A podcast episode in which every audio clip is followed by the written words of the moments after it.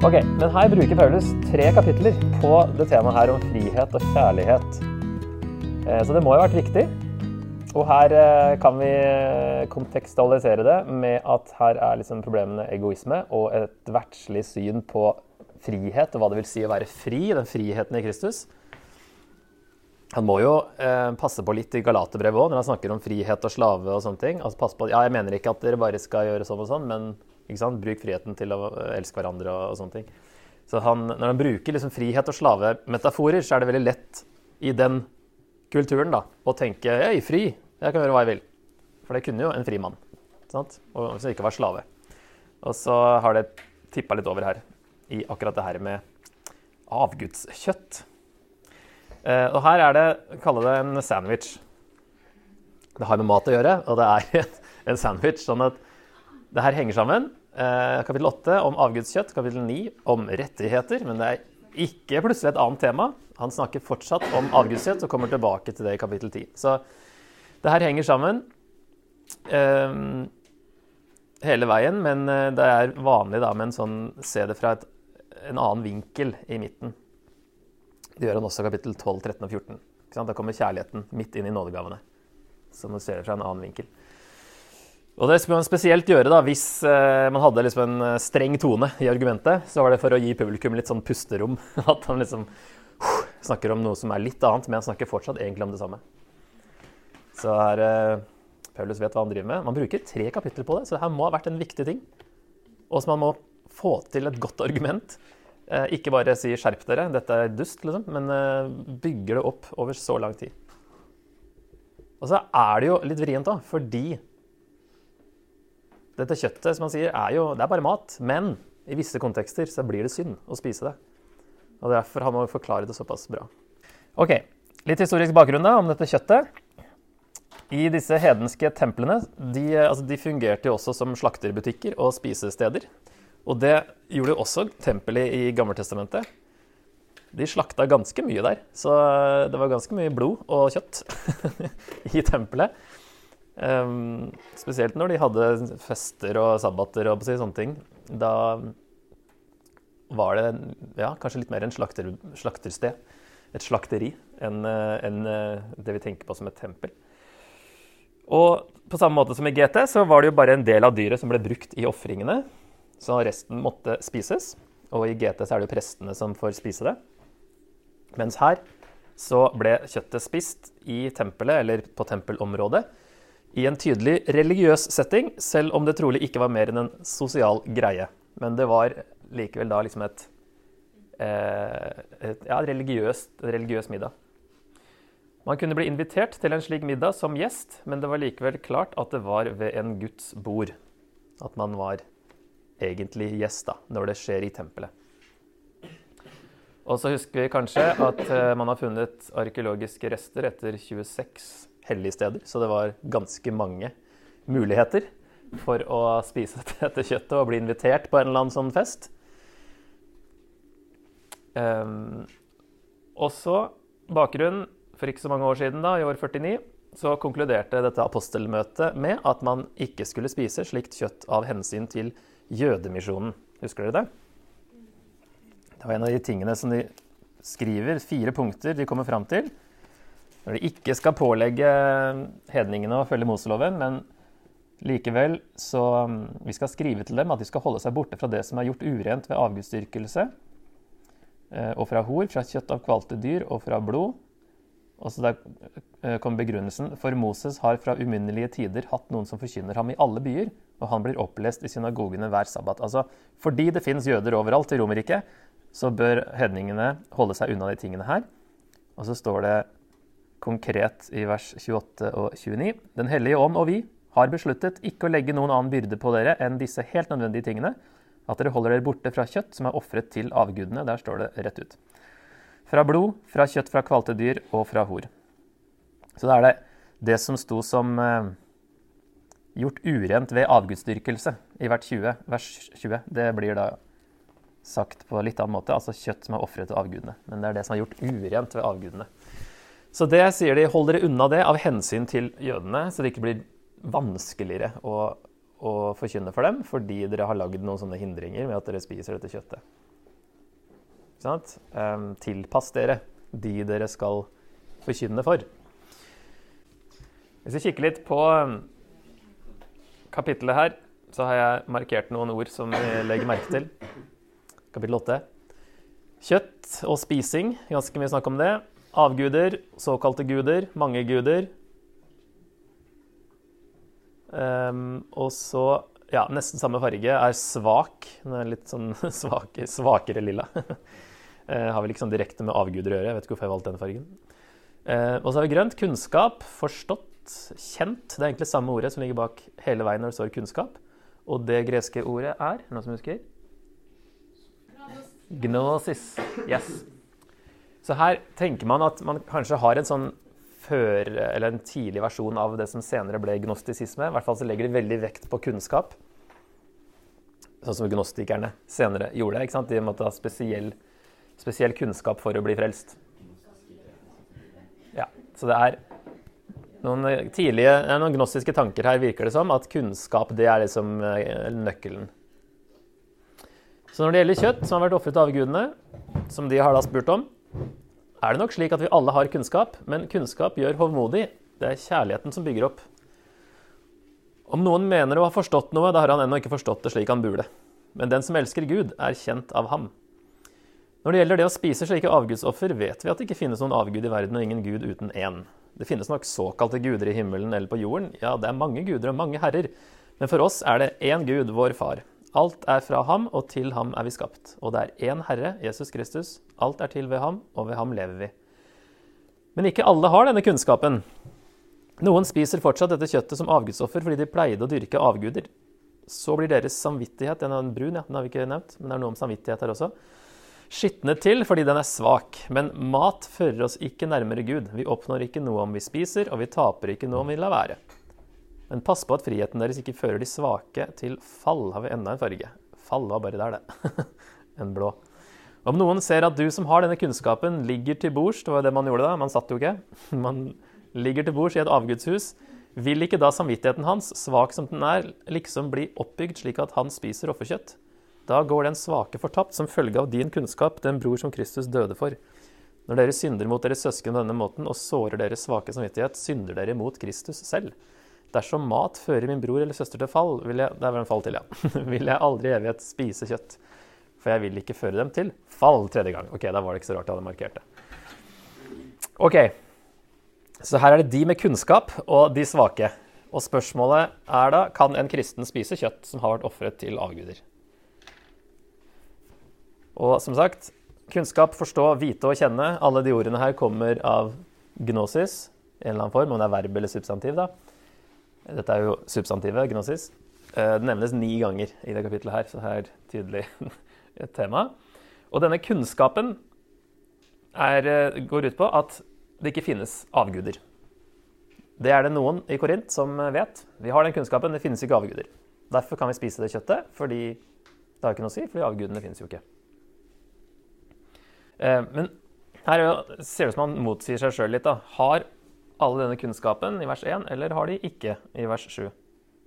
Han sier jo først at uh, vi alle har kunnskap, og så sier han men ikke alle har denne kunnskapen. hva, hva, tenker vi da? Her er nok eksempel, eh, kanskje det tydeligste eksempelet på at uh, deler av vers 1 er et sitat fra korinternes brev, uh, siden det ser ut som han motsier seg sjøl. Og nok i den teksten her er et tillegg da det står egentlig ikke det. Er det nok slik? Altså, så det er ikke sikkert han er enig i det. Eh, men at sånn som ESV, den engelske, får inn noen anførselstegn for å få det fram. Da. We know that all of us possess knowledge. Det er et sitat. Og this knowledge, i anførselstegn, puffs up. Um, sånn at han siterer det de har skrevet om, virker det som, og sier at uh, Ja, men. Ja, det er sant, men ikke alle har denne kunnskapen. Så Noen av korinterne mente slikt kjøtt ikke var noe problem, siden de visste at disse avgudene egentlig ikke eksisterte. Andre var ikke like sikre. Så det er problemet. Og faren da er at en sånn kunnskap kan gjøre hovmodig og blåse opp. eh, og bli en motsetning til kjærlighet, som han sier her. Kunnskap gjør hovmodig. Det er kjærligheten som bygger opp. Så han setter de opp allerede i vers 1 her, som to forskjellige. Så han snakker nå etter hvert om to holdninger. En sånn litt eh, ja, egoistisk eh, holdning med kunnskap. Jeg kan gjøre som jeg vil fordi jeg vet at det er greit. Og kjærlighet, som tenker på de andres beste.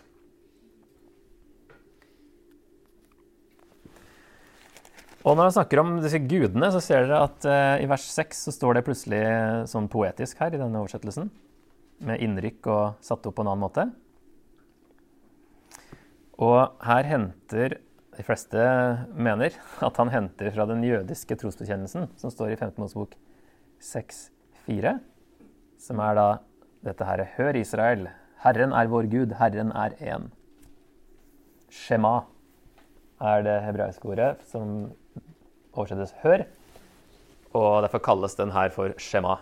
Så hvis dere hører det et sted, så er det da denne jødiske trosbekjennelsen. Shema Israel. Og så står det egentlig Javé i, i første Eller til høyre på andre linje. Men eh, man uttalte ikke det, så man uttalte det Adonai i stedet, som betyr herre. I tilfelle man uttalte Javé feil. Så av respekt for å ikke gjøre det, så bytta de ut og sa Adonai. Og så eh, er jo spørsmålet Hvis det er så tydelig at Herren er én Det fins bare én Gud, som eh, alle jøder har sagt til alle tider. Hvordan kan Paulus som jøde da mene at Jesus er Gud? Og det han gjør her, ser ut der, altså Derfor fargekoding. Er at han ser ut til å gjøre noe med denne skjemaet. Når han sier Men for oss er det én Gud, vår Far. Alt er fra ham, og til ham er vi skapt. Og det er én Herre, Jesus Kristus. Alt er ved ham og ved ham Alt er til ved ham, og ved ham lever vi. Så han tar Gud, altså Elohim, og Herre, Adonai, og bruker én om Faderen og én om Jesus. Shema inneholder både Faderen og Sønnen, og de er én Gud. Ser ikke ut at Paulus bryr seg så veldig om at han sier én to ganger. det er liksom det. Sånn eh, må det være. Um, og det er jo Jesus som de refererer til de, som regel da, når de bruker Herren i Nytestamentet. Og mange ganger så er det sitater fra GT der det står Javé, som på gresk har blitt oversatt med Kyrios, som da betyr herre. Men som ikke er navnet på Gud. Det betyr liksom bare en, en herre, hvilken som helst herre. Og så bruker de det om Jesus, for han er Herren. Så det er liksom uten å blunke så bruker de vers som snakker om Javé om Jesus mange ganger i Nytestamentet. Og det her kan være eldre enn Paulus pga. sånn poetisk struktur. Det er det man har gjenkjent og satt opp sånn her. da. At det har en litt annen struktur enn det han ellers skriver her. Og fordi han ser ut til å gå ut fra at korinterne kjenner til denne formuleringen. Det er ikke noe han argumenterer for, han bare liksom nevner det, at vi vet jo det. Ikke sant? Um, så det her kan være veldig gammelt noe. Som for jøder, messiastroende jøder, så var det liksom en, en kristen versjon av trosbekjennelsen. Så det er jo et lite sånn uh, avstikker fra det vi egentlig snakker om her, da. Men for Paulus er det jo det er en del av argumentet. Egentlig så, så bare bekrefter han at uh, uh, det er bare én gud. Altså avgudene fins ikke. Så egentlig så er det en liten digresjon kanskje i det han egentlig snakker om her. Men han bare bekrefter at nei, dere har rett i det. Det er bare én gud og én herre. Og det, Faderen og, og Jesus, da. Eh, så det, egentlig så er han bare på vei ikke sant? I vers 7 så kommer han til Men ikke alle har denne kunnskapen, som han nå har forklart. At ja, dere har rett, fins bare én Gud. Eller i hvert fall for oss er det bare én Gud, men de fleste vil jo si at han mener at det bare fins én Gud, for det har jeg sagt ganske mange ganger før. Ok, så um, Når man spiser dette kjøttet, da, så var jo det dyrt. Det tenker vi kanskje ikke på, men kjøtt var dyrt. Og de svake, som Paulus kaller dem, hadde kanskje spist kjøtt bare som en del av tidligere avgudsdyrkelse. Derfor ville de nok koble det til en avgud hver gang de spiste kjøtt. Sånn assosiasjonen var Det har alltid med avguder å gjøre når man spiser kjøtt. I hvert fall for veldig mange. I hvert fall fattige, da. Som ikke hadde råd til å kjøpe kjøtt ellers. Og så sier Paulus i vers 8 mat fører oss ikke nærmere Gud. Vi oppnår ikke noe om vi spiser, og vi taper ikke noe om vi lar være. Sånn at mat er nøytralt i seg selv. Og da ser det ut til at korinternes konklusjon, i hvert fall de som har denne kunnskapen, da, var at ja, derfor kan vi jo spise, siden mat er nøytralt. Har ikke noe å si. Mens Paulus' sin konklusjon er derfor må dere la være å spise, fordi mat har ikke noe å si. Så det han sier nå, er jo eh, pass på at frihet, altså Men pass på at friheten deres ikke fører de svake til fall. Om dere spiser, da. Pass på at det ikke fører de svake til fall. Om noen ser at du som har denne kunnskapen, ligger til bords i et avgudshus, vil da ikke samvittigheten hans, svak som den er, liksom bli oppbygd, slik at han spiser offerkjøtt. Og da kanskje oppbygd i betydningen oppmuntret, som eh, den engelske ISV har. da. Han vil tenke at han også kan spise det, men er egentlig ikke overbevist. Han herre som ikke er sikker på om avgudene ikke fins. Så han bare Oi, han uh, spiser avgudskjøtt, da. Da kan kanskje jeg gjøre det også, da. Uh, og så kanskje han, det kan føre til at Å ja, kan jeg dyrke avguder samtidig som jeg dyrker Jesus, så å si. eh, synkretisme. At flere guder, si, eller Jesus pluss hedensk religion. Ettersom både kjøtt ville assosieres med det hvis han spiste det, og hvis han ser en, som, en annen som eh, ja, har mer kunnskap eh, generelt. Kanskje han føler seg litt sånn mindreverdig der og tenker at han vet nok best. Eh, og så kan det føre til at eh, han tror at det er greit å tilbe de gudene fortsatt. Og det er de sterke som har ansvaret, sier Paulus her. Og dette er viktig, det er et viktig spørsmål når han da kaller det synd i vers 12. At de synder mot, eh, mot Kristus selv og mot deres søsken. Så det her er alvor, sier Paulus. Hvis det at noen spiser kjøtt, kan føre andre til fall, så sier Paulus da vil jeg aldri i evighet spise kjøtt, sier han i vers 13. For jeg vil ikke føre dem til fall. Jeg kan ta min foreløpige oppsummering her, da. Foreløpig svar. Det er ikke så enkelt som dere tror. Denne friheten til å spise kan føre til at dere synder.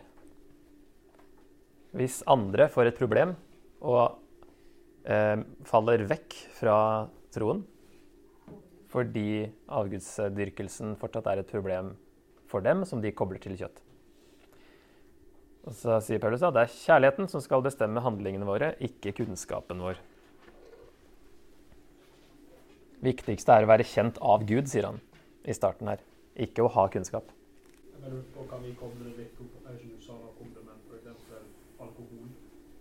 Ja, det er jo det første man tenker på. Eh, kanskje spesielt ut fra Eh, kapittel 8 her, før man liksom har tatt hele argumentet og kommet til kapittel 10, for da kobler han tydeligere på onde makter. Ja. Eh, det er jo fortsatt noe avgudsdyrkelse her, og alkohol er liksom ikke så knytta til hedensk religion, Nei. sånn sett. Men prinsippet absolutt å overføre. At eh, hvis man da er sammen med en tidligere alkoholiker, så går man ikke på pub sammen, liksom. Eh, og, eller hvis eh, Det er ofte sånne kristne sammenhenger at man er litt sånn usikker på hvordan forholder disse andre seg til alkohol. Og da eh, kan man ha forskjellig bakgrunn og oppvekst, og det kan bli ganske emosjonelt for mange. Um, og da har jo det vært en, en ting man har henta herfra, at da vil man ikke føre noen til fall, og velger da å avstå fra og være helt avholden da, fra alkohol i det hele tatt. For at ingen skal få noe problem av det. Mm. Absolutt. Det er ja, et vanlig poeng ut herfra, da. Så det er prinsippet absolutt overførbart.